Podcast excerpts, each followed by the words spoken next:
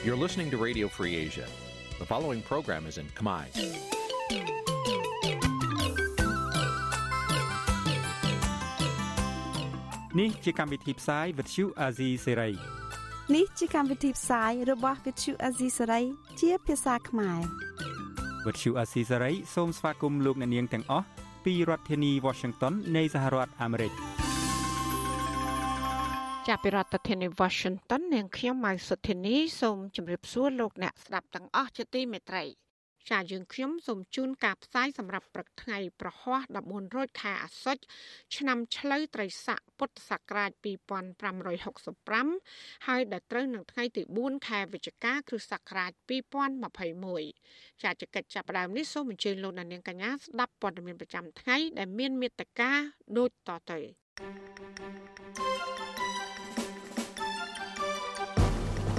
របបលោកហ៊ុនសែនមិនព្រមចុះហត្ថលេខាបដិញ្ញាចិត្តជាមួយពិភពលោក បញ្ឈប់ការកាប់បំផ្លាញព្រៃឈើត្រឹមឆ្នាំ2030ក្រសួងទេសចរប្រកាសឲ្យបើកអាជីវកម្ម Beer Garden ឡើងវិញទោះបីជានៅមានអ្នកស្លាប់និងឆ្លងជំងឺ Covid-19 ម្ដាយយុវជនកសវណ្ណឆៃថាកូនប្រុសមានសតិកាន់តែធ្ងន់ធ្ងរក្រោយតែបានចាប់ដាក់គុកជាង4ខែ ចាបទពិភាក្សាថាតើរបបលោកហ៊ុនសែនអាចពឹងផ្អែកលើចិនទាំងស្រុងបានរៀងរហូតដែរឬទេ ចារួមនឹងព័ត៌មានផ្សេងផ្សេងមួយចំនួនទៀតជាបន្តទៅទៀតនេះនាងខ្ញុំម៉ៅសុធានីសូមជូនព័ត៌មានទាំងនោះពឺស្ដាចាលោកនាយកជាទីមេត្រីមន្ត្រីបរិស្ថានរបស់រដ្ឋាភិបាលកម្ពុជា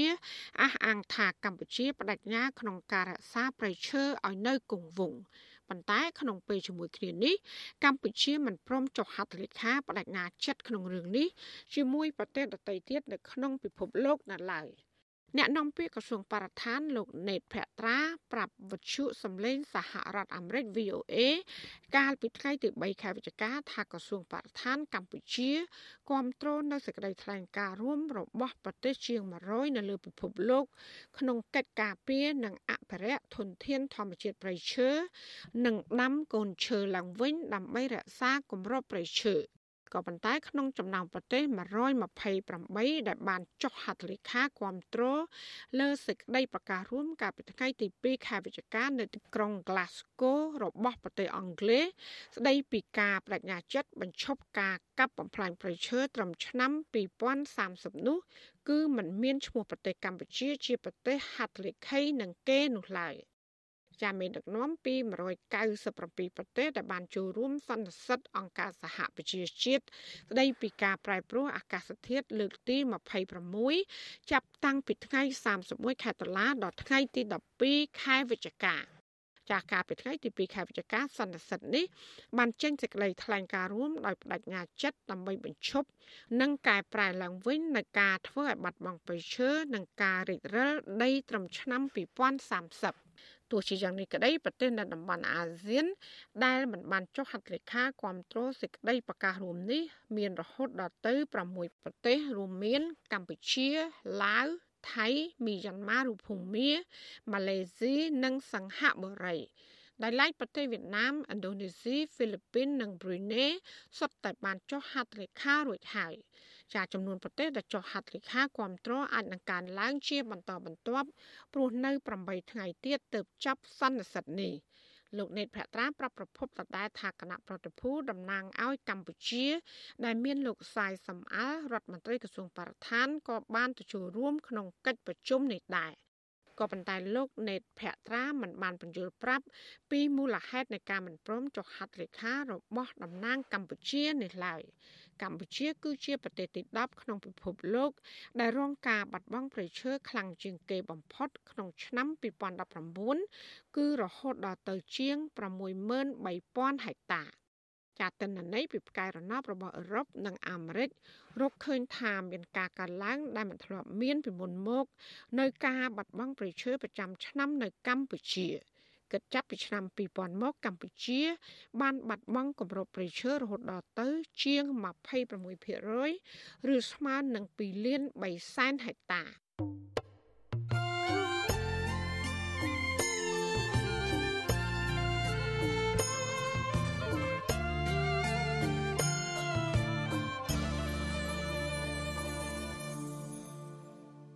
ចាលោកនាងជាទីមេត្រីក្រសួងទេសចរប្រកាសបើកអាជីវកម្ម Beer Garden ឡើងវិញ នៅទូទាំងប្រទេសក៏ប៉ុន្តែតម្រូវឲ្យម្ចាស់អាជីវកម្មអនុវត្តតាមស្តង់ដារអបបរមាដើម្បីធានាសុវត្ថិភាព ពីការឆ្លងរាលដាលនៃជំងឺ Covid-19 ចាក្រសួងទេសចរបានចេញសេចក្តីសម្រេចស្តីពីការដាក់អនុវត្តនៅនីតិវិធីប្រតិបត្តិស្តង់ដារអបបរមាតាមកន្លងប្រកដីភាពថ្មី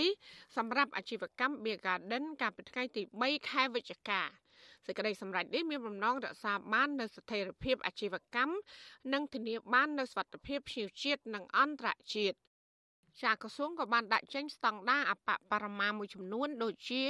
គោលការណ៍ណែនាំសម្រាប់សវត្ថិភាពភ្ញៀវនិងសវត្ថិភាពបុគ្គលិកការរៀបចំបរិវេណទីតាំងអាជីវកម្ម Beer Garden និងនៅកន្លែងទទួលទានអាហារនិងភេសជ្ជៈជាដើមដោយអនុវត្តតាមយន្តការណែនាំរបស់រដ្ឋាភិបាលតាក់ទងនឹងការរាលដាលនៃជំងឺ Covid-19 វិញអ្នកជំងឺ Covid-19 7អ្នកទៀតបានស្លាប់ក្នុងនោះ5អ្នកមិនបានចាក់វ៉ាក់សាំង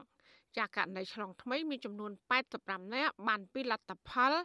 ដែលបញ្ជាក់ដោយម៉ាស៊ីនពិសោធន៍ PCR ប៉ុន្តែតួលេខនេះមិនបានរាប់បញ្ចូលលទ្ធផល ដែលពិនិត្យតាមឧបករណ៍តេស្តឬ Rapid Test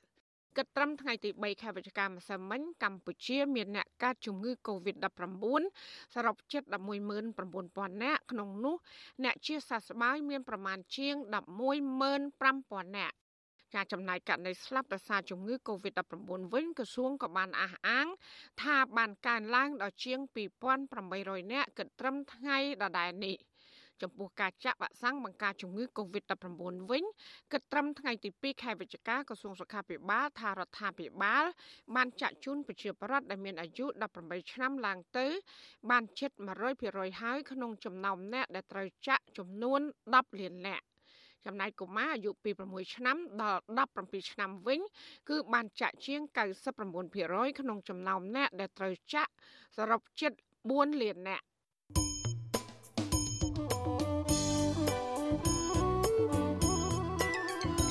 លោកនាងកញ្ញាកំពុងស្ដាប់ការផ្សាយរបស់វិទ្យុអាស៊ីស្រីផ្សាយចេញពីរដ្ឋធានី Washington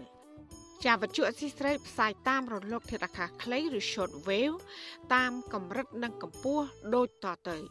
ពេលព្រឹកចាប់ពីម៉ោង5កន្លះដល់ម៉ោង6កន្លះតាមរយៈរលកធាតុអាកាសខ្លី9390 kHz ស្មើនឹងកម្ពស់ 32ម៉ែត្រ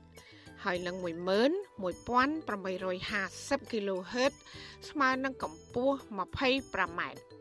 ចាសម្រាប់ពេលយប់វិញចាប់ពីម៉ោង7កន្លះដល់ម៉ោង8កន្លះគឺតាមរយៈរលកធាតុអាកាសខ្លី9390 kHz ស្មើនឹងកម្ពស់32ម៉ែត្រហើយនឹង15155 kHz ស្មើនឹងកម្ពស់20ម៉ែត្រចាសសូមអរគុណ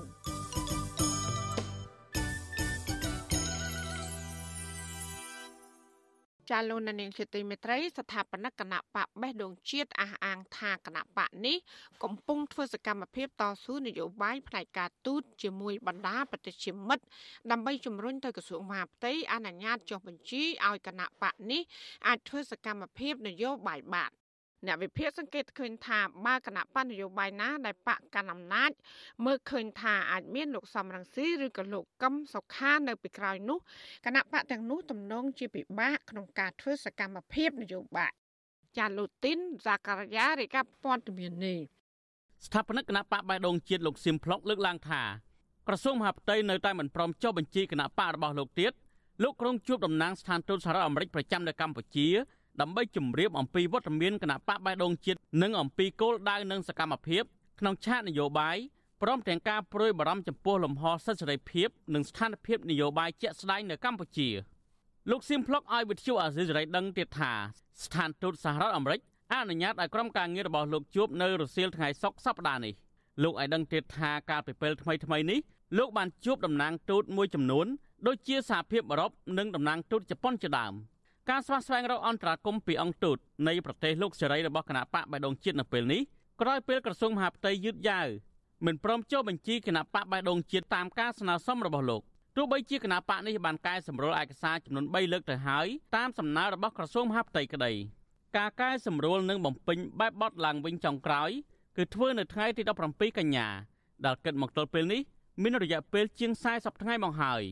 ទោះបីជាច្បាប់ស្តីពីវិសោធនកម្មច្បាប់ គណៈបកនយោបាយមាត្រា22ចែងថាក្នុងរយៈពេល30ថ្ងៃក្រសួងមហាផ្ទៃត្រូវឆ្លើយតបថាយល់ព្រមឬបដិសេធជុំវិញនឹងរឿងនេះវិទ្យុអាស៊ីសេរីមិនអាចតាក់ទងแนะនាំពាក្យក្រសួងមហាផ្ទៃលោកខៀវសុភ័ក្រដើម្បីសុំការបំភ្លឺអំពីរឿងនេះបានទេនៅថ្ងៃទី3វិច្ឆិកាទោះជាយ៉ាងណាលោកខៀវសុភ័ក្រធ្លាប់ប្រាប់សារព័ត៌មានក្នុងស្រុកថាពេលនេះក្រុមការងារក្រសួងមហាផ្ទៃកំពុងត្រួតពិនិត្យឯកសារនិងផ្ទៀងផ្ទាត់ស្នាមមេដៃដល់គណៈបកនេះបញ្ជូនទៅក្រសួង លោកថាត្រូវការពេលវេលាពិនិត្យចាប់សពគ្រប់ក្រសួងនឹងឆ្លើយតបទាក់ទងនឹងរឿងនេះអ្នកវិភាគនយោបាយដែលកំពុងតែនិរទេសខ្លួននៅប្រទេសហ្វាំងឡង់លោកកឹមសុខសង្កេតឃើញថាការយឺតយ៉ាវនៃការឆ្លើយតបរបស់ក្រសួងមហាផ្ទៃនៅពេលនេះមិនមែនជារឿងបច្ចេកទេសនោះទេប៉ុន្តែលោកថាជាការរៀងខ្ទប់ចរន្តនៃការកកើតឡើងវិញនៅគណៈបកប្រឆាំងមិនឲ្យមានដង្ហើមក្នុងការប្រកួតប្រជែងជាមួយគណៈបកកណ្ដាលអំណាចលោកកឹមសុខយល់ថាក្រៅពីការរកអន្តរាគមពីអង្គទូត គណៈបកនេះត្រូវហ៊ានទាមទារសិទ្ធិរបស់ខ្លួនទៅក្រសួងមហាផ្ទៃនិងស្ថាប័នជាតិសំខាន់សំខាន់មួយចំនួនទៀតហើយក្រៅពីនេះសកម្មជននៅក្រៅស្រុកក៏ត្រូវចូលរួមទាមទារសិទ្ធិសេរីភាពនេះដែរ។ រ៉ាន់ដែលមានក្រុមលោកសំរាំងស៊ីនៅពីក្រោយដែលក៏អាចคล้ายទៅជាកម្លាំងគម្រាមកំហែងទៅដល់អំណាចរបស់គេពីព្រោះក៏ជាលទ្ធភាពនៃការប្ររូបរួមកម្លាំងនៅថ្ងៃក្រោយដូច្នេះប្រសិនបើគេពិនិត្យឃើញគេនឹងគឺគណៈបកប្រជាជនហ្នឹងឃើញថាមានកម្លាំងចរន្តទាំងពីរនឹងកើតឡើងក្នុងកាលៈទេសៈនេះគេត្រូវតែខ្ទប់ហើយជុំវិញនឹងរឿងនេះអ្នកនាំពាក្យគណៈបកប្រជាជនកម្ពុជាលោកសុកអេសានបានលើកឡើងថាបញ្ហាដែលយឺតយ៉ាវនេះ គឺបណ្ដាលមកពីគណៈបកបៃដងជាតិមិនទាន់បំពេញបែបបទស្របតាមគោលការណ៍ច្បាប់ទើបក្រសួងមហាផ្ទៃមិនទាន់ឆ្លើយតបបើយើងបំពេញបែបបទមិនទាន់គ្រប់លក្ខណៈសម្បត្តិទេក្រសួងមហាផ្ទៃគេមិនអាចនឹងអនុម័តជូនទេបាទបន្ថែមពីនេះលោកសុកអ៊ីសានធ្លាប់ចោទប្រកាន់ថាលោកសំរងស៊ីនៅពីក្រោយការបង្កើតគណៈបកបៃដងជាតិនិងផ្ដល់ឲ្យគណៈបកនេះជាង20ម៉ឺនដុល្លារក្នុងការដំណើរការបង្កើតគណៈបកនេះ ប៉ុន្តែក្រោយមកលោកសុកអេសានបានកែសម្ដីដោយមិនបញ្ចេញឈ្មោះគណៈបកនោះទេដោយត្រឹមតែនិយាយថាគណៈបកបង្កើតថ្មីមួយនៃអតីតមន្ត្រីគណៈបកប្រឆាំងមានលោកសំរងស៊ីនៅពីក្រោយទោះបីជាយ៉ាងណាក៏ដោយលោកសៀមផ្លុកបានបដិសេធជំវិញនឹងការចាប់ប្រកាន់របស់លោកសុកអេសាននេះលោកសៀមផ្លុកយល់ថាស្ថិតនៅក្នុងបរិយាកាសនៃដំណើរការចុះបញ្ជីគណៈបកនយោបាយដែលពោពេញដោយភាពស្មុគស្មាញនិងយឺតយ៉ាវបែបនេះធ្វើឲ្យគណៈបកបេដងជាតិមានក្តីកង្វល់និងចាត់ទុកថា ជាចេតនានយោបាយជាជាងការយកចិត្តទុកដាក់ចំពោះការគោរពអនុវត្តតាមនីតិវិធីលោកយល់ថាករណីនេះនឹងធ្វើឲ្យជាអត្តពលអាក្រក់និងជាមន្ទិលសង្ស័យដល់ការជឿទុកចិត្តពីសាធារណមតិជាតិនិងអន្តរជាតិចំពោះដំណើរការប្រជាធិបតេយ្យនិងការបោះឆ្នោតនៅកម្ពុជានាពេលខាងមុខខ្ញុំទីនសាការីយ៉ាអស៊ីសេរីប្រធានីវ៉ាស៊ីនតោនចាលោកនាងកញ្ញាកំពុងស្ដាប់ការផ្សាយរបស់វិទ្យុអាស៊ីសេរីផ្សាយចេញពីរដ្ឋធានី Washington ចាលោកហ៊ុនសែនដែលកំពុងកាន់អំណាចនៅកម្ពុជា បានងាកទៅខាងចិនកាន់តែខ្លាំងឡើងខ្លាំងឡើងខណៈដែលរបបនេះកំពុងប្រឈមនឹងការដាក់សម្ពាធនិងទណ្ឌកម្មពីប្រទេសលោកខាងលិច មានជាអាចសហរដ្ឋអាមេរិកសហភាពអឺរ៉ុបនិងប្រទេសប្រជាធិបតេយ្យជាដើម។ ចារបបលោកហ៊ុនសែនតែងតែបង្ហាញមោទនភាពចំពោះទំនាក់ទំនងស្អិតល្មួតរវាងកម្ពុជានិងចិន ដែលហាក់ជាការអ៊ឺដងដល់ប្រទេសលោកខាងលិច ដែលកំពុងដាក់គំនាបដល់របបលោកហ៊ុនសែនឲ្យងាកមកដើរតាមកន្លងប្រជាធិបតេយ្យនិងការគោរពសិទ្ធិមនុស្សក៏ប៉ុន្តែសំណួរដ៏សំខាន់មួយដែលគេឯងតែងតែចោទសួរនោះ ថាតើចិនដែលលោកហ៊ុនសែនកំពុងពឹងផ្អែកខ្លាំងបំផុតនោះ អាចនៅឈរជាបង្អែកការពាររបបលោកហ៊ុនសែនបានរងមាំជារៀងរហូតដែរឬទេចាសសូមលោកអ្នកនាងកញ្ញារងចាំស្ដាប់បទវិភាគអំពីរឿងនេះនាពេលបន្តិចទៀតនេះចាសសូមអរគុណ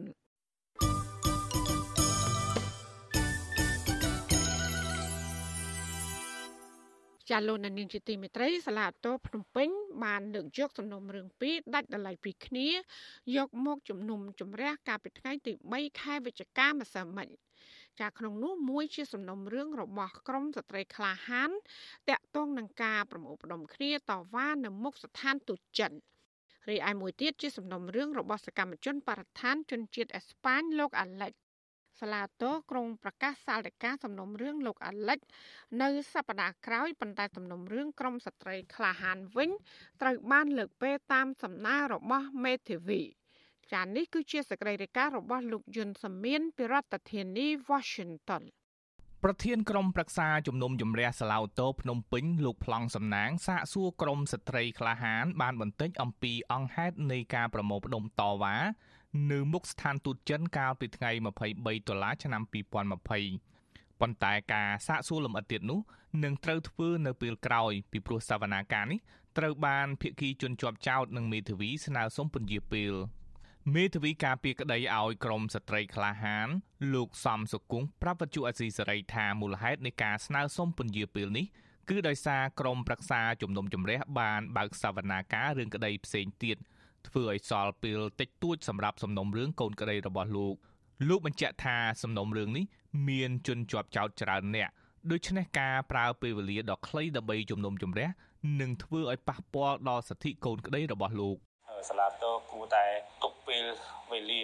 ឲ្យបានវែងដើម្បីឲ្យកូនក្តីតែមានចំនួនច្រើនមានពេលវេលាគ្រប់គ្រាន់ក្នុងការការពារខ្លួនឯងក្នុងការបង្ហាញបតាំងហើយក៏ដូចជាពេលវេលាសម្រាប់មេធាវីក្នុងការការពារក្តីបើកណ្ដាស្លាប់តគាត់បើកសវនាការក្នុងរយៈពេលខ្លីហើយលឿនពេកវាប៉ះពាល់ដល់សិទ្ធិទទួលបាននៅសវនាការមួយត្រឹមត្រូវនឹងយុត្តិធម៌របស់ជនជាប់ចោតអញ្ញាធិពន្ធនាគារបានបញ្ជូនក្រុមស្ត្រីក្លាហាន ដែលធ្លាប់ទៀមទាយុទ្ធធរសង្គមមានដូចជាលោកស្រីហុងអាន លោកស្រីលឹមសាន លោកស្រីយ៉យស្រីមុំ លោកស្រីបៃរ៉េនលោកស្រីសានស្រីនៀតនិងសមាជិកគណៈបកប្រឆាំងម្នាក់ទៀតគឺលោកតុននីមុលទៅកាន់សាឡៅតូ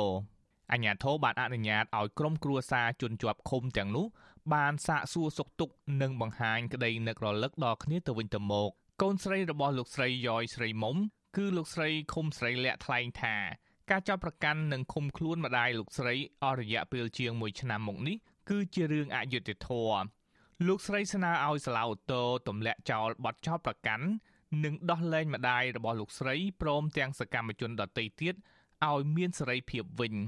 គាត់ជាប្រជាពលរដ្ឋជាកសិករហើយយកគាត់មកដាក់គុករយៈពេល1ឆ្នាំដោយរងនៅភាពអយុត្តិធម៌ខ្ញុំមិនទទួលយកបានទេភាពអយុត្តិធម៌លើប្រជាពលរដ្ឋតុលាការក្រុងភ្នំពេញបានកាត់ទោសក្រុមស្ត្រីក្លាហាន និងសមាជិកគណៈបកសង្គ្រោះជាតិសរុប9នាក់ ក្នុងនោះរួមទាំងមន្ត្រីគណៈបកប្រឆាំងម្នាក់ផងគឺលោកហូវ៉ាន់ឲ្យជាប់ពន្ធនាគារចន្លោះពី12ខែ ដល់20ខែ ពីបទញុះញង់បង្កឲ្យមានភាពវឹកវរធ្ងន់ធ្ងរដល់សន្តិសុខសង្គមនិងផ្ដើមគំនិតក្នុងអំពើញុះញង់ពាក់ព័ន្ធទៅនឹងការតវ៉ាដោយសន្តិវិធី នៅខាងមុខស្ថានទូតចិនកាលពីឆ្នាំ2020 តាក់ទងទៅនឹងសំណុំរឿងរបស់សកម្មជនបរិស្ថានជនជាតិអេស្ប៉ាញលោក Alexandro Gonzalez Davidson វិញក្រុមប្រឹក្សាជំនុំជម្រះស្លាវតូបានបើកសវនាការចប់សពគ្រប់នៅថ្ងៃទី3ខែវិច្ឆិកានេះមេធាវីការពារក្តីឲ្យលោកអាលិចគឺលោកសំចម្រើនប្រាប់វិទ្យុអាស៊ីសេរីថាតំណាងមហាអាយកាបានស្នើដល់ក្រុមប្រឹក្សាជំនុំជម្រះឲ្យតម្កល់សារក្រមផ្ដន់ទោសលោកអាលិចទុកជាបានការដដែល គណៈមេធាវីបានការពារថាសកម្មភាពរបស់លោកអាលិចមិនមែនជាអំពើល្មើសច្បាប់ដោយការចោទប្រកាន់នោះឡើយលោកបញ្ជាក់ថាសាឡៅតូសម្រាប់យកថ្ងៃទី12វិច្ឆិកាជាថ្ងៃប្រកាសសាលដីកាតុលាការក្រុងភ្នំពេញបានកាត់ទោសកំបាំងមុខលោកអាលិចដាក់ពន្ធនាគារចំនួន20ខែពីបទផ្សំគំនិតក្នុងអំពើញុះញង់គណៈសកម្មជនមេដាធម្មជាតិ3នាក់ទៀតរួមមានលោកថុនរដ្ឋាកញ្ញាឡុងគុន្ធា និងកញ្ញាភួនកែវរស្មីត្រូវបានតុលាការផ្តន្ទាទោសដាក់ពន្ធនាគារពី18ខែដល់20ខែពីបទញុះញង់បង្កឲ្យមានភាពវឹកវរធ្ងន់ធ្ងរដល់សន្តិសុខសង្គម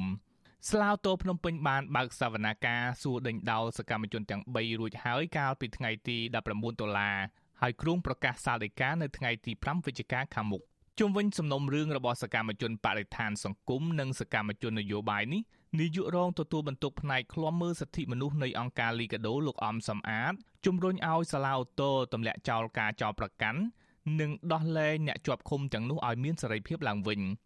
លោកបញ្ជាក់ថាសហគមន៍ជាតិនិងអន្តរជាតិក្នុងនោះរួមទាំងអ្នកជំនាញសិទ្ធិមនុស្សអង្គការសហប្រជាជាតិផង បានវាយតម្លៃថាករណីទាំងនេះជាការបង្ក្រាបទៅលើសិទ្ធិសេរីភាពរបស់ពលរដ្ឋនិងជាសំណុំរឿងដែលមានចរិតនយោបាយជាជាងការអនុវត្តច្បាប់ដោយត្រឹមត្រូវ ខ្ញុំយុនសាមៀនវិទ្យុអាស៊ីសេរីពីរដ្ឋធានី Washington ចាលោកនាងកញ្ញាជាទីមេត្រីកូនប្រុសរបស់សកម្មជនបពប្រឆាំងម្នាក់ដែលមានជំងឺខ្សោយបញ្ញាស្មារតីឬអូទីសឹមពីកំណើតគឺយុវជនកសវណ្ណឆៃបានរងផលប៉ះពាល់សតិអារម្មណ៍កាន់តែធ្ងន់ធ្ងរក្នុងស្ថានភាពរស់នៅក្នុងពន្ធនាគារអស់ជាច្រើនខែមកនេះ តើសង្គមស៊ីវិលយល់ឃើញយ៉ាងណា ចំពោះការឃុំខ្លួនយុវជន ដែលមានជំងឺខ្សោយសតិបញ្ញានេះចាសសេចក្តីរាយការណ៍ពិស្ដាមពីរឿងនេះលោកដានៀងក៏នឹងបានស្ដាប់នាពេលបន្តិចទៀតនេះចាសសូមអរគុណ thank you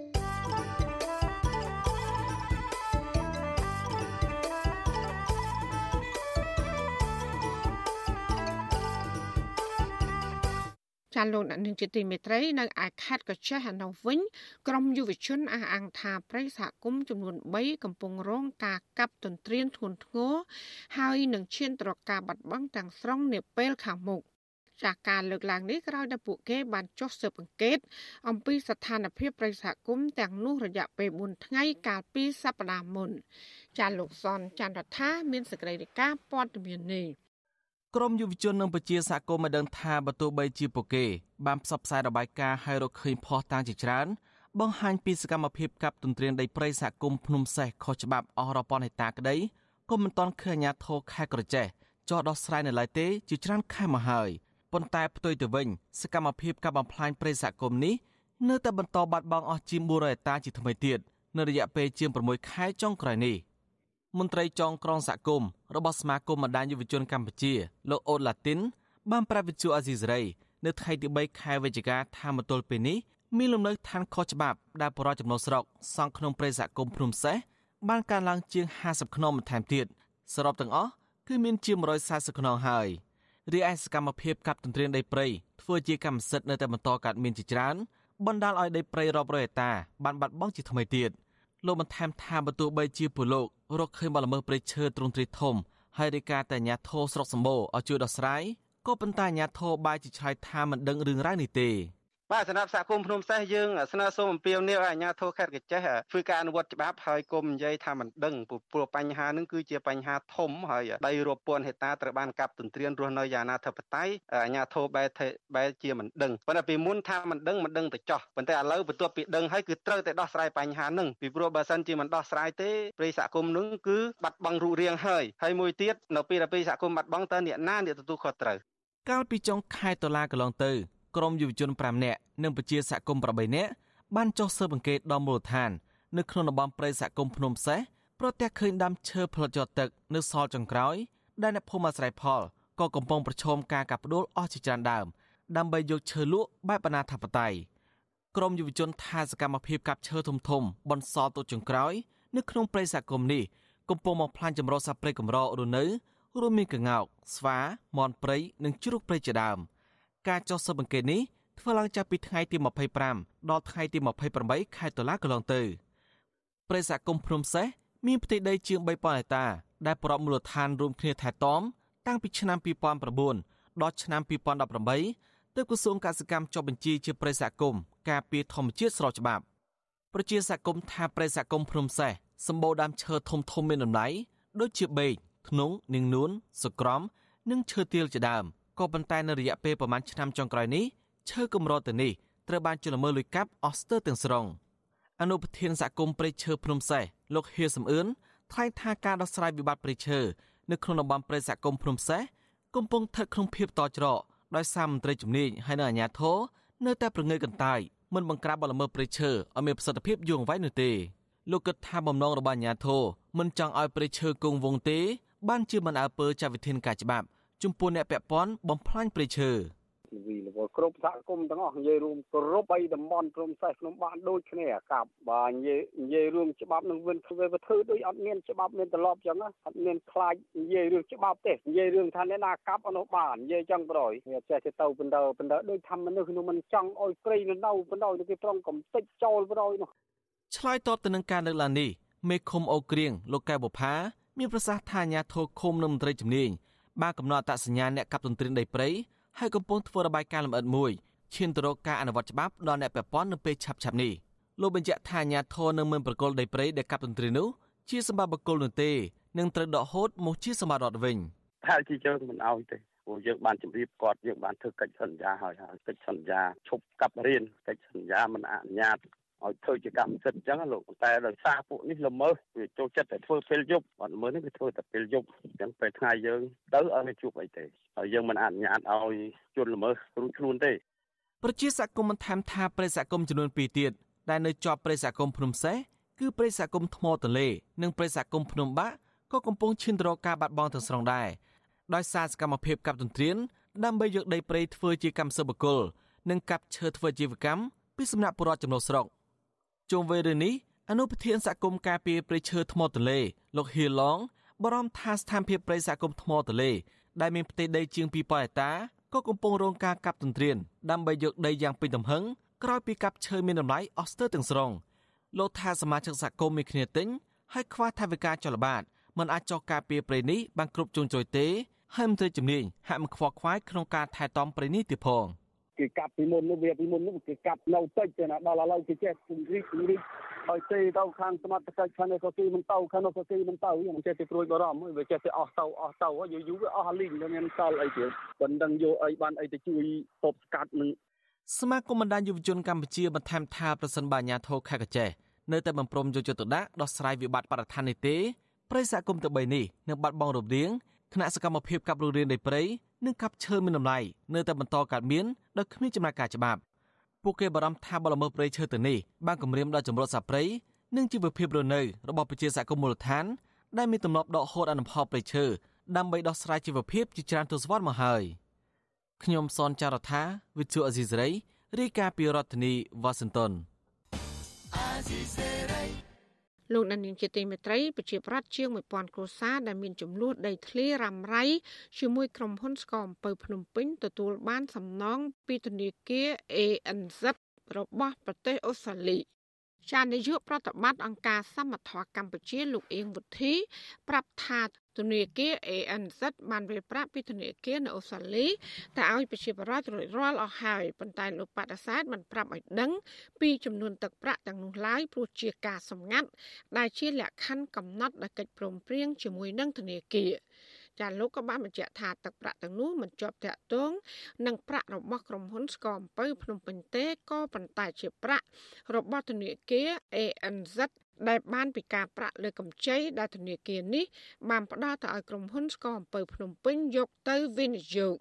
លោកថានេះជារឿងដ៏កម្រមួយដែលធនាគារសម្រេចផ្ដល់ប្រាក់ចំណេញរបស់ខ្លួនទៅឲ្យប្រជាពលរដ្ឋតទៅនឹងធនាគារ ANZ នេះគឺជាការទៀមទាដាច់ដោយឡែកដែលប្រជាពលរដ្ឋបានធ្វើដែលតម្រូវឲ្យខាងធនាគារគាត់ពង្វែមកវិញនៅថវិកានោះហើយនេះជាជាជាការចូលរួមចំណែកមួយពីខាង ធនាគារនៅនៅពេលដែលធនាគារបានធ្វើការសម្រេចចិត្តផ្ទេរនៅប្រាក់ចំណេញឬក៏ការប្រាក់ដែលខ្លួនទទួលបានអញ្ចឹងយើងគិតថានេះជាជំរើសមួយល្អដែលខាងធនាគារបានផ្ដល់នៅថវិកាមួយចំនួននេះដើម្បីជួយស្ដារទៅដល់ជីវភាពរបស់ប្រជាពលរដ្ឋហើយយើងសង្ឃឹមថាអឺស្ថានភាពនៅនៅតំបន់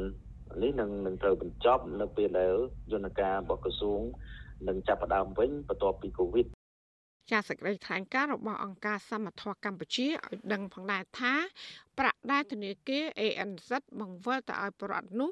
គឺជាការប្រាក់ដែលធនាគារនេះទទួលបានពីឆ្នាំ2011ដល់ឆ្នាំ2014ចាធនាគារ ANZ អូស្ត្រាលីរងការចាប់ប្រកាន់ថាបានជាប់ពាក់ព័ន្ធដោយប្រយោលដោយបានផ្ដល់ប្រាក់កម្ចី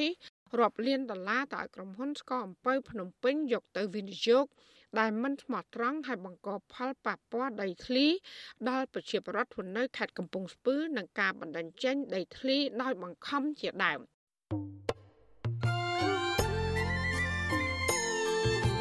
ចាលោកនាងកញ្ញាជាទីមេត្រីក្រៅតែពីការតាមដាន កម្មវិធីផ្សាយរបស់វិទ្យុអាស៊ីសេរី តាមបណ្ដាញសង្គម Facebook YouTube Telegram លោកអ្នកក៏អាចតាមដានកម្មវិធីផ្សាយរបស់យើងតាមរយៈបណ្ដាញសង្គម Instagram របស់អាស៊ីសេរីបាន តាមរយៈតំណ link www.instagram.com/rfa ខ្មែរចាអាស៊ីសេរីនឹងបន្តខិតខំផ្សព្វផ្សាយព័ត៌មានពិត ទៅកាន់បងប្អូនតាមរយៈបណ្ដាញសង្គមផ្សេងផ្សេងនិងសម្បូរបែប ដើម្បីឲ្យលោកអ្នកនាងងាយស្រួលតាមដានការផ្សាយរបស់អសីស្រីគ្រប់ពេលវេលា ហើយគ្រប់ទីកន្លែងតាមរយៈទូរស័ព្ទដៃរបស់លោកអ្នកចាសសូមអរគុណ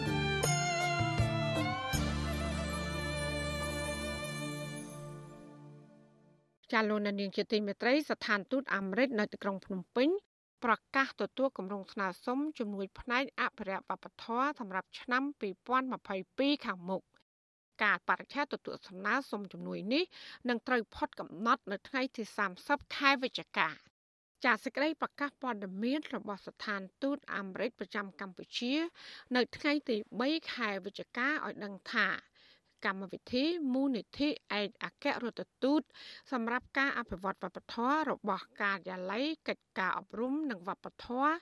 នៃក្រសួងការបរទេសរបស់អាមេរិកអាចផ្ដល់ជំនួយថវិកាក្នុងគម្រោងអភិវឌ្ឍវប្បធម៌នីមួយៗគឺចន្លោះទឹកប្រាក់ពី10000ដុល្លារដល់500,000ដុល្លារ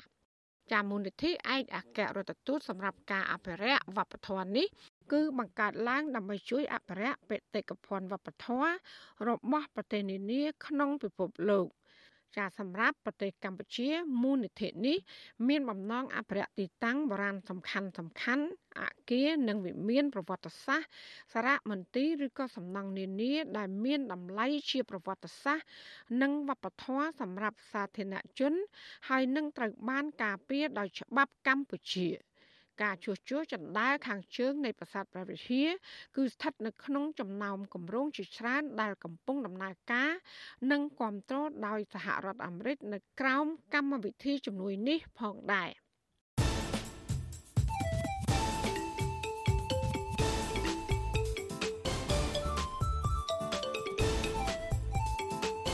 បាត់វិភាគ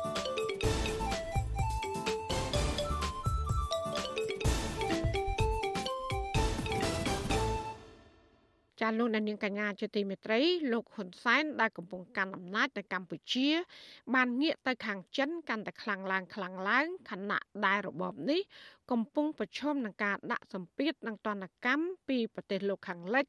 មានជាអាចសហរដ្ឋអាមេរិកសហភាពអឺរ៉ុបនិងប្រទេសប្រជាធិបតេយ្យជាដើម ចារបបលោកហ៊ុនសែនតែងតែបង្ហាញមោទនភាពចំពោះទំនាក់ទំនងស្អិតល្មួតរវាងកម្ពុជានិងចិន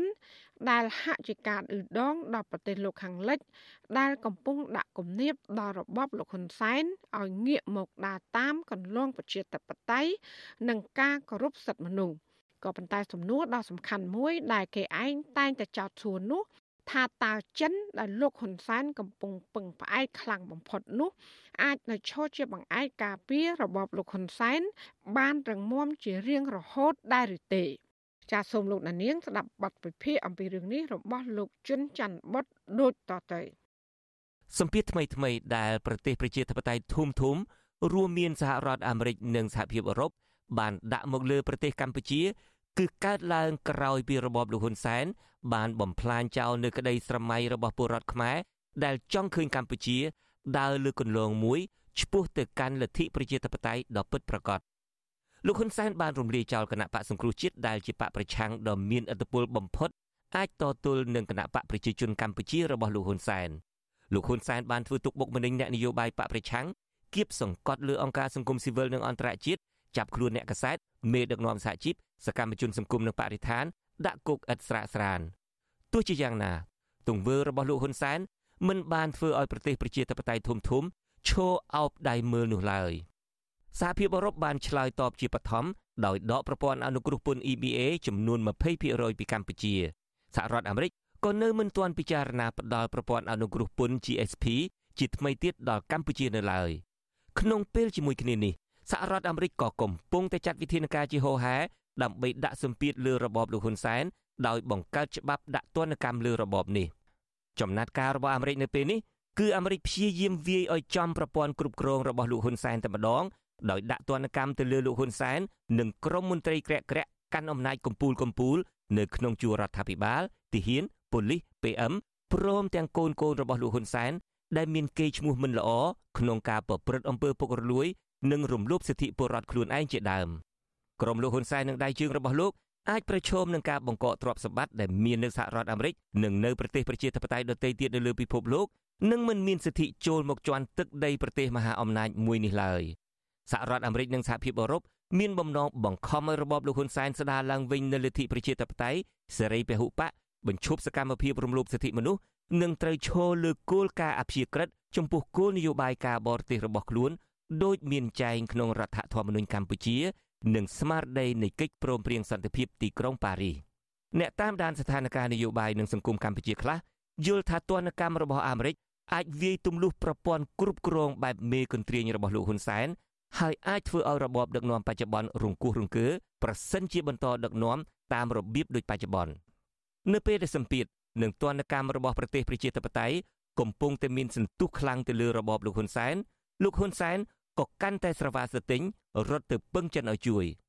រឿងរត់ទៅពឹងចិនឲ្យជួយនេះមិនមែនជារឿងថ្មីថ្មោងសម្រាប់លោកហ៊ុនសែននោះទេក៏ប៉ុន្តែអ្វីដែលថ្មីនៅក្នុងពេលនេះនៅត្រង់ថាលោកហ៊ុនសែនបានសារភាពដោយឥតលាក់លៀមតែម្ដង ថាបើមិនឲ្យលោកទៅពឹងចិនតើឲ្យលោកទៅពឹងអ្នកណាទៅវិញលោកហ៊ុនសែនស្នើចិនបង្កើនការនាំទំនិញកម្ពុជាចូលប្រទេសចិនបង្កើនអ្នកវិនិយោគចិននៅកម្ពុជាលើកទឹកចិត្តអ្នកទេសចរចិនឲ្យចូលស្រុកខ្មែរឲ្យបានច្រើន ស្នើសុំជំនួយចិនពីសឹងគ្រប់ជំនួបជាមួយចិននិងអន្តះអន្តែងបង្កើតកិច្ចព្រមព្រៀងពាណិជ្ជកម្មសេរីហៅកាត់ថា FTA ជាមួយចិនដែលជាកិច្ចព្រមព្រៀងពាណិជ្ជកម្មសេរីដំបូងបង្អស់របស់កម្ពុជាជាមួយបរទេសនិយាយពីចិនឯនោះវិញចិនក៏បានខិតខំស្អំចិត្តលោកហ៊ុនសែនបានយ៉ាងល្អភាគតិចណាស់ដែលចិនបានច្រានចោលសំណើរបស់លោកហ៊ុនសែនក្នុងវិស័យនយោបាយនិងការទូតគេឃើញចិនចេញមុខគាំទ្ររបបលោកហ៊ុនសែន ក្នុងវិស័យសេដ្ឋកិច្ចពាណិជ្ជកម្មចិនបានចេញមុខសន្យាជួយរបបលោកហ៊ុនសែនទប់ទល់នឹងទណ្ឌកម្មដែលដាក់ដោយប្រទេសលោកខាងលិចទៀតផងពិតណាស់ដោយសារតែអាងមានចិនចាំជួយពីក្រោយនេះហើយទើបគេឃើញលោកហ៊ុនសែនតែងតែទៅត្រកទៅរកចិនពេលខ្លះទៅទាំងបញ្ច្រាស់ទិសនិងតែងតែសម្ដែងឲ្យគេឯងឃើញថាចិនគឺជាបងឯករឹងមាំតែមួយគត់ដែលអាចការពាររបបលោកបានក្រៅតែពីបង្ហាញភាពលំអៀងអួតសរសើរលួងលោមយកចិត្តចិនគេសង្កេតឃើញថាលោកហ៊ុនសែន ក៏តែងតែបានផ្កើនឹងឌឺដងប្រទេសលោកខាងលិចវិញដែរដោយធ្វើទុកបុកម្នេញគៀបសង្កត់លើក្រុមប្រឆាំងនិងសកម្មជន ដែលឈឺឆ្អាលបញ្ហាសង្គមនៅពេលមានការរិះគន់ឬសម្ពាធពីលោកខាងលិចម្ដងម្ដងលោកហ៊ុនសែនធ្លាប់បានប្រកាសថាសម្ពាធលើលោកកាន់តែខ្លាំងលោកនឹងរុញក្រុមប្រឆាំងឲ្យកាន់រលាយកាន់តែឆាប់ជាការពិតណាស់បើគ្មានបង្អែកចិនទេ របបលោកហ៊ុនសែនប្រហែលជាមិនហ៊ានផ្គឿនដល់ថ្នាក់នេះឡើយក៏ប៉ុន្តែសំណួរសំខាន់មួយនៅត្រង់ថា តើចិនអាចស្ថិតនៅក្នុងស្ថានភាពរឹងមាំដើម្បីឈរជាបង្អែកឲ្យលោកហ៊ុនសែននៅពេលនេះនឹងទៅថ្ងៃមុខបានដែរឬយ៉ាងណាប្រការដែលគេមិនអាចប្រកែកបាននោះក្នុងរយៈពេលជាង40ឆ្នាំចុងក្រោយនេះចិនគឺជាមហាអំណាចកំពុងរះឡើងយ៉ាងឆាប់រហ័សនៅក្នុងតំបន់និងអន្តរជាតិទាំងក្នុងវិស័យនយោបាយសេដ្ឋកិច្ចយោធានិងបច្ចេកទេសការរីកចម្រើនរបស់ចិន កំពុងធ្វើឲ្យឥទ្ធិពលរបស់មហាអំណាចអាស៊ីមួយនេះរីកសាយភាយ និងគ្របដណ្ដប់ទៅលើប្រទេសមួយចំនួននៅលើពិភពលោកជាពិសេសទៅលើប្រទេសក្រីក្រកំពុងអភិវឌ្ឍនិងប្រទេសខ្លះដែលមានមេដឹកនាំជាមនុស្សផ្ដាច់ការប្រព្រឹត្តអំពើពុករលួយទោះបីជាយ៉ាងណាក៏ដោយក្នុងពេលដែលចិនកំពុងរះឡើងយ៉ាងត្រចះត្រចង់គួរជាទីបង្អែករបស់មេដឹកនាំផ្ដាច់ការមួយចំនួននោះចិនក៏ត្រូវបានគេមើលឃើញថាកំពុងប្រឈមនឹងបញ្ហាស្មុគស្មាញជាច្រើនដែលអាចរារាំងមហាអំណាចថ្មីមួយនេះមិនឲ្យសម្រេចមហិច្ឆតាលឿនរហ័សរបស់ខ្លួន រហូតដល់មានអ្នកជំនាញខ្លះអះអាងថាចិនកំពុងអស់ពេលសម្រាប់លិចត្រដែតឡើងបន្តទៅទៀតហើយនៅក្នុងអត្ថបទដែលមានចំណងជើងថា The End of China's Rise ឬអវសាននៃការរះឡើងរបស់ចិនចេញផ្សាយដោយទស្សនាវដ្តីមួយឈ្មោះ Foreign Affair អ្នកជំនាញផ្នែកវិទ្យាសាស្ត្រនយោបាយនិងកិច្ចការអន្តរជាតិពីររូបគឺលោក Michael Beckley និង Hal Brand បានវាយតម្លៃថាក្រុងប៉េកាំង កំពុងអស់ពេលឈួងចាប់សុបិនគ្រប់គ្រងពិភពលោកហើយលោកទាំងពីរក៏សម្គាល់ថាការដែលចិនកំពុងអន្ទះអន្ទែងខំស្ទុះរុញខ្លួនឯងយ៉ាងគំហុកបែបនេះក៏ដោយសារតែចិនជិតអស់ពេលក្នុងការរីកចម្រើនតទៅទៀតហើយហើយក្រុងប៉េកាំងក៏កំពុងតែព្យាយាមលាក់កំបាំងពីភាពផុយស្រួយធ្ងន់ធ្ងរជាច្រើនរបស់ខ្លួនពួកគេអះអាងថារដ្ឋាភិបាលចិនកំពុងតែលាក់កំបាំងអំពីការធ្លាក់ចុះសេដ្ឋកិច្ចធ្ងន់ធ្ងរប្រទេសចិនកំពុងទទួលរងនូវផលប៉ះពាល់យ៉ាងដំណំ ដោយសារតែមិនមានប្រភពធនធានធម្មជាតិគ្រប់គ្រាន់ព្រមទាំងកំពុងប្រឈមមុខនឹងបញ្ហាប្រជាសាស្ត្រធ្ងន់ធ្ងរមិនធ្លាប់មាននៅក្នុងប្រវត្តិសាស្ត្រចិនដោយសារតែការបាត់បង់នៅចំនួនមនុស្សពេញកម្លាំងធ្វើការនិងការកើនឡើងយ៉ាងគំហុកនៃចំនួនមនុស្សចាស់ដែលធ្វើឲ្យប៉ះពាល់យ៉ាងខ្លាំងដល់សន្ទុះកំណើនសេដ្ឋកិច្ចបន្ថែមពីលើនេះចិនក៏កំពុងតែបាត់បង់នៅទំនុកចិត្តនឹងការស្វាគមន៍របស់ពិភពលោកដែលជាកត្តារួមចំណែកទាញឲ្យចិនដើរយឺត លោក Michael Beckley និងលោក Hal Brand អះអាងបន្តថាចិនកំពុងតែបាត់បង់ធនធានធម្មជាតិជាច្រើនទន្លេចំនួនពាក់កណ្ដាលនៅក្នុងប្រទេសចិនត្រូវបាត់បង់ពលរដ្ឋចិនកំពុងរងផលប៉ះពាល់ដោយសារការបំពុលបរិស្ថានចិនកំពុងបានក្លាយជាប្រទេសនាំចូលធម្មពលច្រើនជាងគេនៅលើពិភពលោកចិនក៏កំពុងតែប្រឈមនឹងបញ្ហាអសន្តិសុខស្បៀងកសិករចិនបាត់បង់ដីស្រែចម្ការដែលបានធ្វើឲ្យប្រទេសនេះ ក្លាយជាប្រទេសដែលនាំចូលផលិតផលកសិកម្មច្រើនជាងគេបង្អស់នៅលើពិភពលោកនាពេលបច្ចុប្បន្ននេះក្នុងពេលជាមួយគ្នានេះចិនក៏កំពុងបាត់បង់ធនធានមនុស្សដែលជាកម្លាំងពលកម្មសកម្មជាច្រើនដោយសារគោលនយោបាយកូនមួយរបស់ចិន អ្នកជំនាញថាក្នុងចន្លោះឆ្នាំ2020ដល់ឆ្នាំ2035ប្រទេសចិននឹងបាត់បង់មនុស្សពេញកម្លាំងធ្វើការប្រមាណ70លាននាក់ និងទទួលបានមកវិញនៅមនុស្សវ័យចំណាស់មិនអាចធ្វើការបានចំនួន130លាននាក់ហើយនៅចន្លោះពីឆ្នាំ2035ដល់ឆ្នាំ2050ប្រទេសចិននឹងបាត់បង់មនុស្សពេញកម្លាំងធ្វើការចំនួន105លាននាក់បន្ថែមទៀតនិងបង្កើនឡើងនៅមនុស្សវ័យចំណាស់មិនអាចធ្វើការបានចំនួន64លាននាក់បន្ថែមទៀតលើសពីនេះការដឹកនាំបែបផ្ដាច់ការនៅប្រទេសចិនក៏កំពុងទាញបង្អាក់ការលូតលាស់របស់ប្រទេសនេះក្រុមហ៊ុនសហគ្រាសឯកជន មិនសូវត្រូវបានរដ្ឋអំណាចចិនយកចិត្តទុកដាក់លើកទឹកចិត្តនោះឡើយពួកគេជួបប្រទះនឹងការខ្វះខាតមូលធនខណៈដែលសហគ្រាសគ្រប់គ្រងដោយរដ្ឋទទួលបានប្រមាណ80%នៃកម្ចីនិងការឧបត្ថម្ភរបស់រដ្ឋ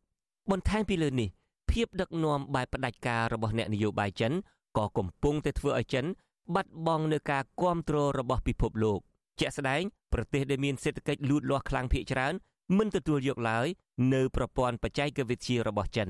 អ្នកជំនាញសន្និដ្ឋានថាភាពលូតលាស់របស់ចិនក្នុងរយៈពេល40ឆ្នាំកំពុងដល់ទីបញ្ចប់ហើយពួកគេថាចិនកំពុងតែប្រឈមនឹងបញ្ហាធំធំចំនួន2នោះគឺការធ្លាក់ចុះនៃកំណើនសេដ្ឋកិច្ចនិងការឡោមព័ទ្ធផ្នែកយុទ្ធសាស្ត្រទាំងពីសំណាក់ក្រមប្រទេសនៅក្នុងតំបន់ដែលកំពុងមានចំនួនជាមួយចិននៅសមុទ្រចិនខាងត្បូងទាំងពីសំណាក់ប្រទេសផ្សេងផ្សេងទៀតដែលជាសម្ព័ន្ធមិត្តរបស់អាមេរិកនៅក្នុងតំបន់និយាយបែបផ្សេងចិនកំពុងបង្កើតឲ្យមានសត្រូវនៅជុំវិញខ្លួន ដូច្នេះទើបគេមើលឃើញថាមានការបង្កើតឡើងនៅក្រមប្រទេសសម្ព័ន្ធមិត្តនៅក្នុងតំបន់ Indo-Pacific ដើម្បីទប់ទល់នឹងឥទ្ធិពលរបស់ចិនអ្នកជំនាញមើលឃើញថាប្រហែលដោយសារប្រទេសខ្លះបានមើលឃើញពីភាពកំសោយនិងភាពផុយស្រួយរបស់ចិនទាំងអស់នេះហើយទើបពួកគេហ៊ានងើបឡើងតតាំងប្រឆាំងមហិច្ឆតារបស់ចិនក្នុងនោះក៏មានកោះតៃវ៉ាន់ដែលចិនធ្លាប់ប្រកាសជាច្រើនលើកច្រើនសារថានឹងប្រើកម្លាំងទ័ពដើម្បីវាយកកោះនេះប្រសិនបើកោះតៃវ៉ាន់ហ៊ានប្រកាសឯករាជ្យផ្ដាច់ចេញពីចិន ប្រសិនបើចិនកំពុងមានបញ្ហាស្មុគស្មាញជាច្រើនដោយការអះអាងរបស់អ្នកជំនាញមែននោះចិនប្រហែលជាពិបាកធ្វើជាបង្អែករឿងមមរបស់មេដឹកនាំផ្ដាច់ការដែលមិនគោរពសិទ្ធិមនុស្សនៅលើពិភពលោកបានយូរអង្វែងនោះឡើយប្រសិនបើមេដឹកនាំទាំងអស់នោះត្រូវបានប្រទេសប្រជាធិបតេយ្យធំធំដាក់សម្ពាធឬដាក់ទណ្ឌកម្មធ្ងន់ធ្ងរដល់របបរបស់ពួកគេក្នុងនោះក៏អាចមានរបបដឹកនាំរបស់លោកហ៊ុនសែនដែរមែនទែនទៅសហរដ្ឋអាមេរិកនិងសហភាពអឺរ៉ុបមិនទាន់បានដាក់សម្ពាធធ្ងន់ធ្ងរ លើរបបលោកហ៊ុនសែននៅឡើយទេសហភាពអឺរ៉ុបទើបតែបានដកប្រព័ន្ធអនុគ្រោះពន្ធ EBA 20%ប៉ុណ្ណោះពីកម្ពុជាក៏ប៉ុន្តែការដកប្រព័ន្ធអនុគ្រោះពន្ធត្រឹម20%នេះក៏បានធ្វើឲ្យរបបលោកហ៊ុនសែនខ្វល់ខ្វាយមិនតិចឡើយបើមិនដូច្នោះទេម្លេះលោកហ៊ុនសែនមិនរត់ទៅពឹងចិនឲ្យជួយបើកចំហទីផ្សារសម្រាប់ទំនិញកម្ពុជានោះឡើយជាការពិតណាស់ប្រសិនបើលោកហ៊ុនសែនមិនបំផ្លាញប្រជាធិបតេយ្យមិនកំទេចគណៈបកប្រឆាំងមិនរំលោភសិទ្ធិមនុស្សនោះទេ កម្ពុជាក៏មិនបាត់បង់ប្រព័ន្ធអនុគ្រោះពន្ធ EBA ពីសហភាពអឺរ៉ុបហើយអាមេរិកក៏គ្មានផែនការដាក់ទណ្ឌកម្មលើលោកហ៊ុនសែនសមាជិកគ្រួសាររបស់លោក និងមន្ត្រីរបបលោកនោះដែរមកដល់ត្រង់នេះប្រហែលជាគេអាចនិយាយបានថាប្រសិនបើលោកហ៊ុនសែនកែប្រែអេរិយាប័តដោយស្ដារប្រជាធិបតេយ្យឲ្យរស់ឡើងវិញគោរពសិទ្ធិមនុស្សឲ្យបានត្រឹមត្រូវឈប់បំបិតសិទ្ធិសេរីភាពធ្វើទុកបុកម្នេញក្រុមប្រឆាំងឈប់ធ្វើបាបអ្នកឈឺឆ្អាលបញ្ហាសង្គមនោះកម្ពុជា អាចទទួលបានអ្វីអ្វីដែលបាត់បង់មកវិញទាំងអស់ហើយលោកហ៊ុនសែននិងមន្ត្រីរបស់លោកក៏ប្រហែលជាមិនទទួលទណ្ឌកម្មពីសហរដ្ឋអាមេរិកនោះដែរក៏ប៉ុន្តែលោកហ៊ុនសែនក៏ប្រហែលជាដឹងច្បាស់ថាប្រសិនបើលោកកែប្រែអេរិយាប័តធ្វើកំណែទម្រង់រៀបចំឲ្យមានការបោះឆ្នោតមួយប្រកបដោយលទ្ធិប្រជាធិបតេយ្យសេរីនិងត្រឹមត្រូវពិតប្រាកដលោកប្រហែលជាអាចត្រូវបាត់បង់អំណាចដោយសារបកប្រឆាំងដូច្នេះមធ្យោបាយល្អបំផុតគឺត្រូវកំទេចក្រមប្រឆាំង ដើម្បីបន្តកាន់អំណាចដូច្នេះហើយបានជាមានការសន្និដ្ឋានថាអ្វីអ្វីដែលលោកហ៊ុនសែនបានធ្វើគឺដើម្បីតែម្យ៉ាងគត់គឺដើម្បីការពារអំណាចរបស់លោក និងផលប្រយោជន៍ក្រុមគ្រួសាររបស់លោកយ៉ាងណាក៏ដោយចុះប្រវត្តិសាស្ត្របានបញ្ជាក់ហើយថាការដឹកនាំបែបផ្ដាច់ការមិនអាចរក្សាអំណាចបានយូរអង្វែងនោះឡើយកាលនៅមានជីវិតបណ្ឌិតកែមលីបានលើកឡើងថាអំណាចដែលថិតថេររឹងមាំបំផុត គឺអំណាចបានមកពីប្រជាពលរដ្ឋ ដូច្នេះប្រហែលជាគេអាចសន្និដ្ឋានបានថាប្រសិនបើលោកហ៊ុនសែននៅតែបន្តដឹកនាំបែបផ្ដាច់ការរបបរបស់លោកក៏នឹងបន្តទទួលរងទណ្ឌកម្មពីប្រទេសប្រជាធិបតេយ្យធំធំហើយទណ្ឌកម្មក៏ប្រហែលជាអាចធ្ងន់ធ្ងរជាងបច្ចុប្បន្ននេះទៀតក៏អាចថាបាន ចំណែកប្រទេសចិន ដែលលោកហ៊ុនសែនតែងរត់ទៅពឹងជាបងឯកនោះក៏ប្រហែលជាមិនអាចជួយលោកហ៊ុនសែនខ្ចីដង្ហើមដកបានគ្រប់តែពេលនោះដែរព្រោះថាចិនខ្លួនឯងក៏កំពុងឈានដល់កម្រិតមួយ ត្រដោខ្យល់រួចហើយដែរខ្ញុំជួនច័ន្ទបុត With you Azizi Saray Washington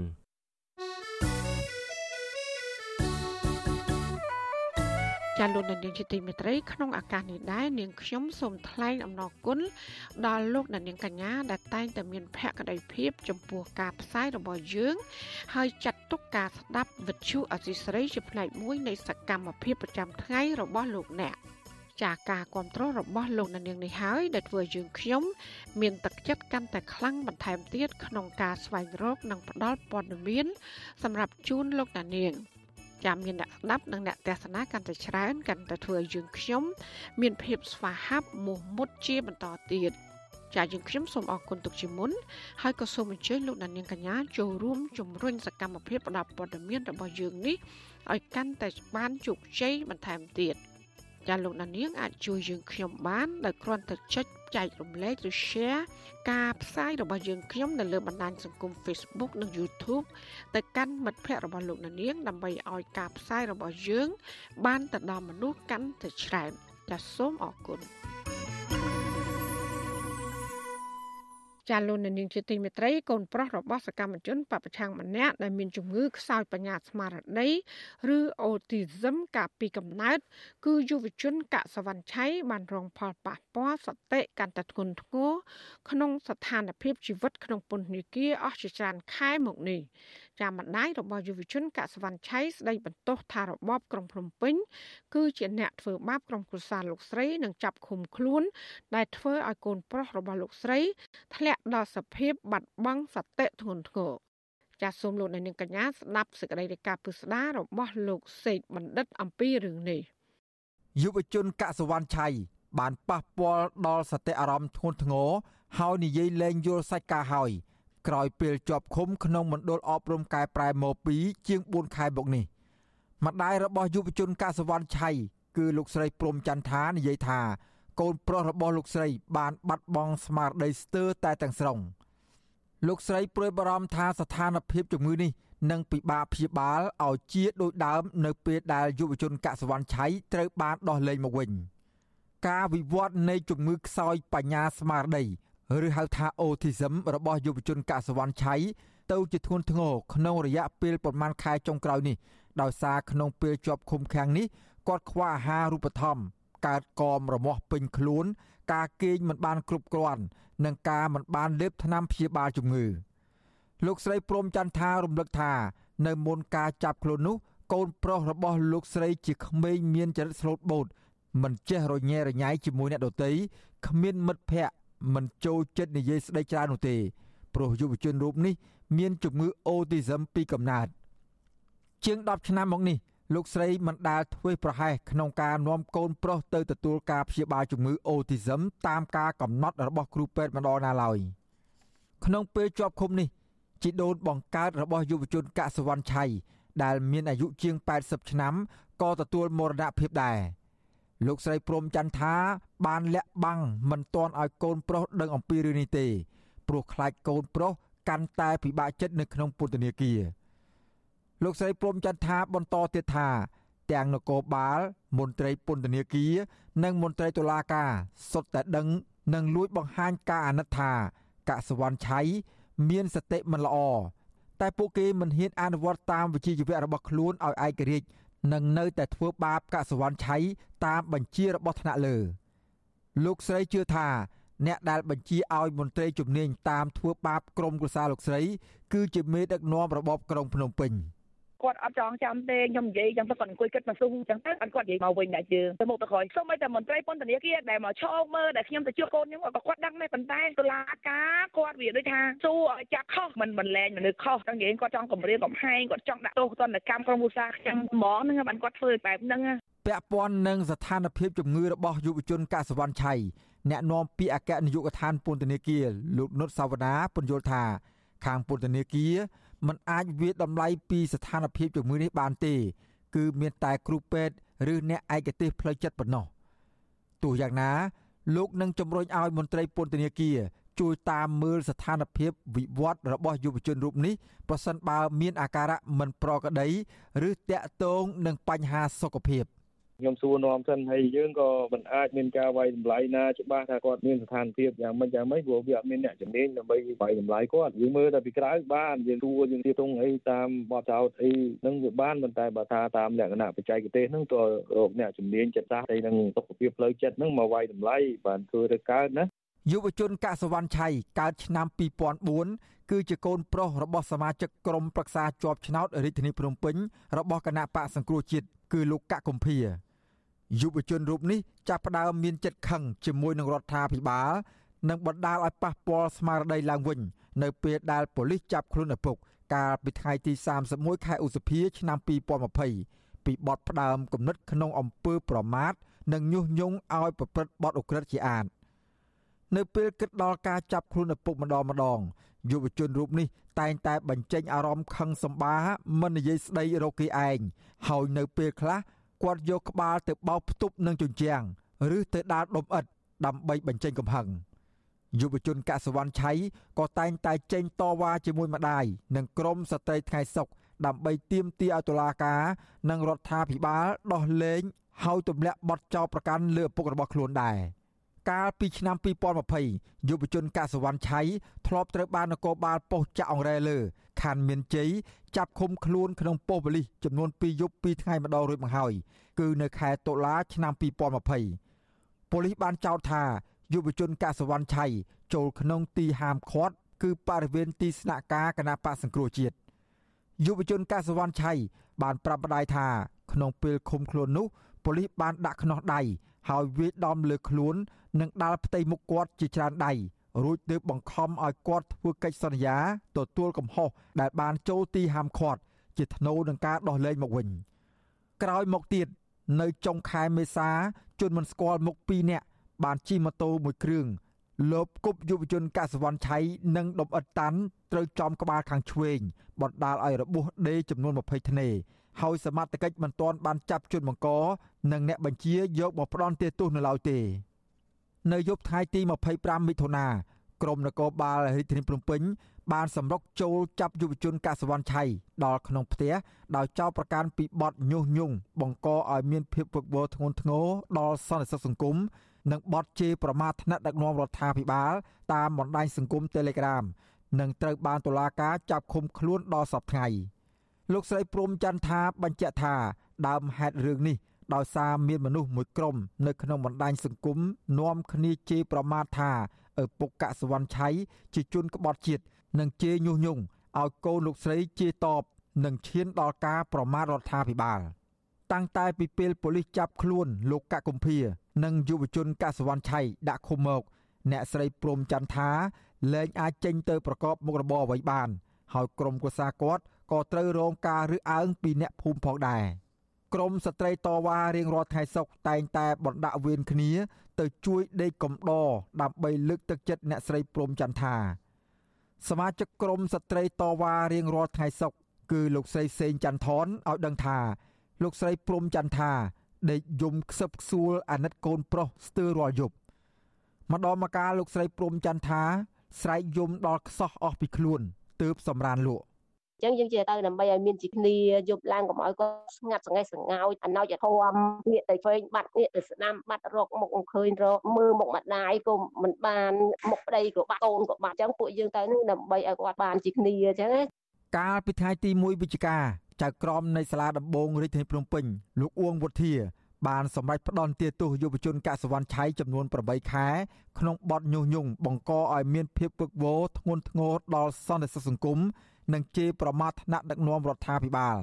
ប៉ុន្តែចៅក្រមបានកាត់តម្រឹមទោសដាក់ពន្ធនាគារឲ្យអនុវត្តត្រឹមតែ4ខែកន្លះហើយព្យួរទោសដែលនៅសល់និងបន្ថែមលក្ខខណ្ឌស្ថិតនៅក្រោមការតាមដានរបស់តុលាការរយៈពេល2ឆ្នាំ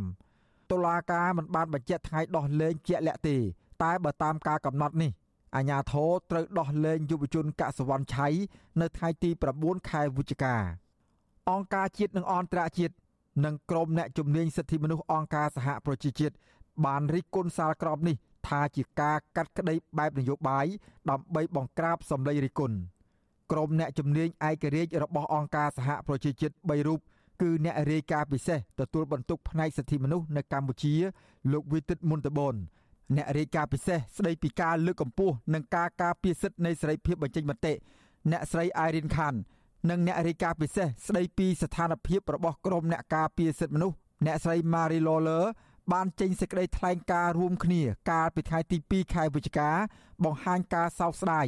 និងរិះគន់ការកាត់ទោសអនិច្ចជនកសវណ្ណឆៃនិងជាក្មេងមានជំងឺខ្សោយសតិបញ្ញាឲ្យមានទោសពួកគេអំពាវនាវឲ្យរដ្ឋាភិបាលកម្ពុជា បង្ហាញឆន្ទៈការពារសេរីភាពបញ្ចេញមតិឡើងវិញ អ្នកនាំពាក្យសមាគមការពារសិទ្ធិមនុស្សអាត6លោកសឹងសានករណាឲ្យដឹងថា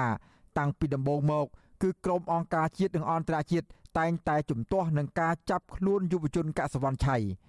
អ្នកឃ្លាំមើលសិទ្ធិមនុស្សរូបនេះយល់ថាការចាប់ខ្លួននេះបានជះឥទ្ធិពលអាក្រក់ដល់អនាគតរបស់យុវជនកសវណ្ណឆៃនិងជះឥទ្ធិពលមិនល្អដល់កេរ្តិ៍ឈ្មោះរដ្ឋាភិបាលថែមទៀត ករណីនេះវាជាករណីធ្វើទុកបុកម្នេញទៅលើគ្រួសារនៃសកម្មជននយោបាយជាងការអនុវត្តច្បាប់ណាបើសិនជាគោលការណ៍អនុវត្តច្បាប់មិនគប្បីមានការចាត់វិធានការទៅលើកុមារកសវណ្ណឆៃដែលមានការក្រោយបញ្ញាស្មារតីបែបហ្នឹងទេគួរតែមានការដោះលែងតាំងពីដំបូងឡើយមកម្លេះអ្នកស្រីព្រំច័ន្ទថាជាម្ដាយរបស់យុវជនកសវណ្ណឆៃក៏មិនពេញចិត្តនឹងសាលក្រមនេះដែរ លោកស្រីកំពុងរងចាំឲ្យដល់ថ្ងៃដោះលែងយុវជនកសវណ្ណឆៃសិនរួចហើយលោកស្រីនឹងពិភាក្សាជាមួយនឹងមេធាវី ដើម្បីប្តឹងឧទ្ធរបន្តទៀតលោកស្រីនៅតែទទូចឲ្យតុលាការបញ្ឈប់ការធ្វើទុកបុកម្នេញនិងត្រូវផ្ដល់ភាពស្អាតស្អំជូនដល់គ្រួសាររបស់លោកស្រីឡើងវិញខ្ញុំបាទសេកបណ្ឌិតវុទ្ធុអាស៊ីសេរីពីរដ្ឋធានីវ៉ាស៊ីនតោន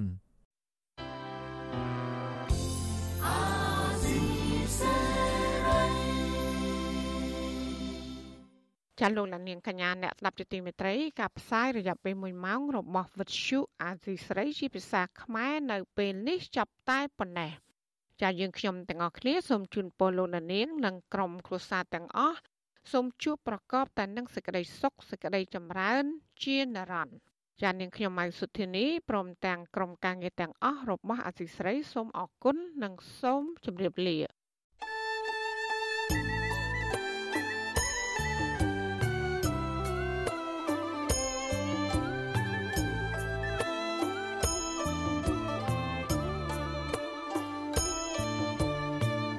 ទ្យុអស៊ីសេរីផ្សាយតាមរលកធារកាសខ្លីឬ shortwave តាមកម្រិតនិងកម្ពស់ដូចតទៅនេះពេលព្រឹកចាប់ពីម៉ោង5កន្លះដល់ម៉ោង6កន្លះតាមរយៈរលកធារកាសខ្លី9390 kHz ស្មើនឹងកម្ពស់ 32m និង11850 kHz ស្មើនឹងកម្ពស់ 25m ពេលយប់ចាប់ពីម៉ោង7កន្លះដល់ម៉ោង8កន្លះតាមរយៈរលកធារកាសខ្លី 9390 kHz ស្មើនឹងកម្ពស់ 32m និង15155 kHz ស្មើនឹងកម្ពស់ 25m លោកអ្នកនាងក៏អាចស្ដាប់ការផ្សាយផ្ទាល់តាមប្រព័ន្ធអ៊ីនធឺណិតដោយចូលទៅកាន់គេហទំព័រ www.rfa.org/ ខ្មែរក្រៅពីនេះលោកអ្នកនាងក៏អាចអាននិងទស្សនាព័ត៌មានវិទ្យុអេស៊ីសរ៉ៃលើទូរស័ព្ទដៃរបស់លោកអ្នកផ្ទាល់ សូមលោកអ្នកនាងចូលទៅកាន់បណ្ដាញសង្គម Facebook ដែលមានអាសយដ្ឋាន www.facebook.com/rfa.cambodia និង YouTube www.youtube.com/rfa ខ្មែរ video សូមលោកអ្នកនាងចុច like និងចុច subscribe ដើម្បីទទួលបានព័ត៌មានថ្មីៗទាន់ហេតុការណ៍និងទស្សនាវីដេអូផ្សេងៗទៀតបានគ្រប់ពេលវេលា។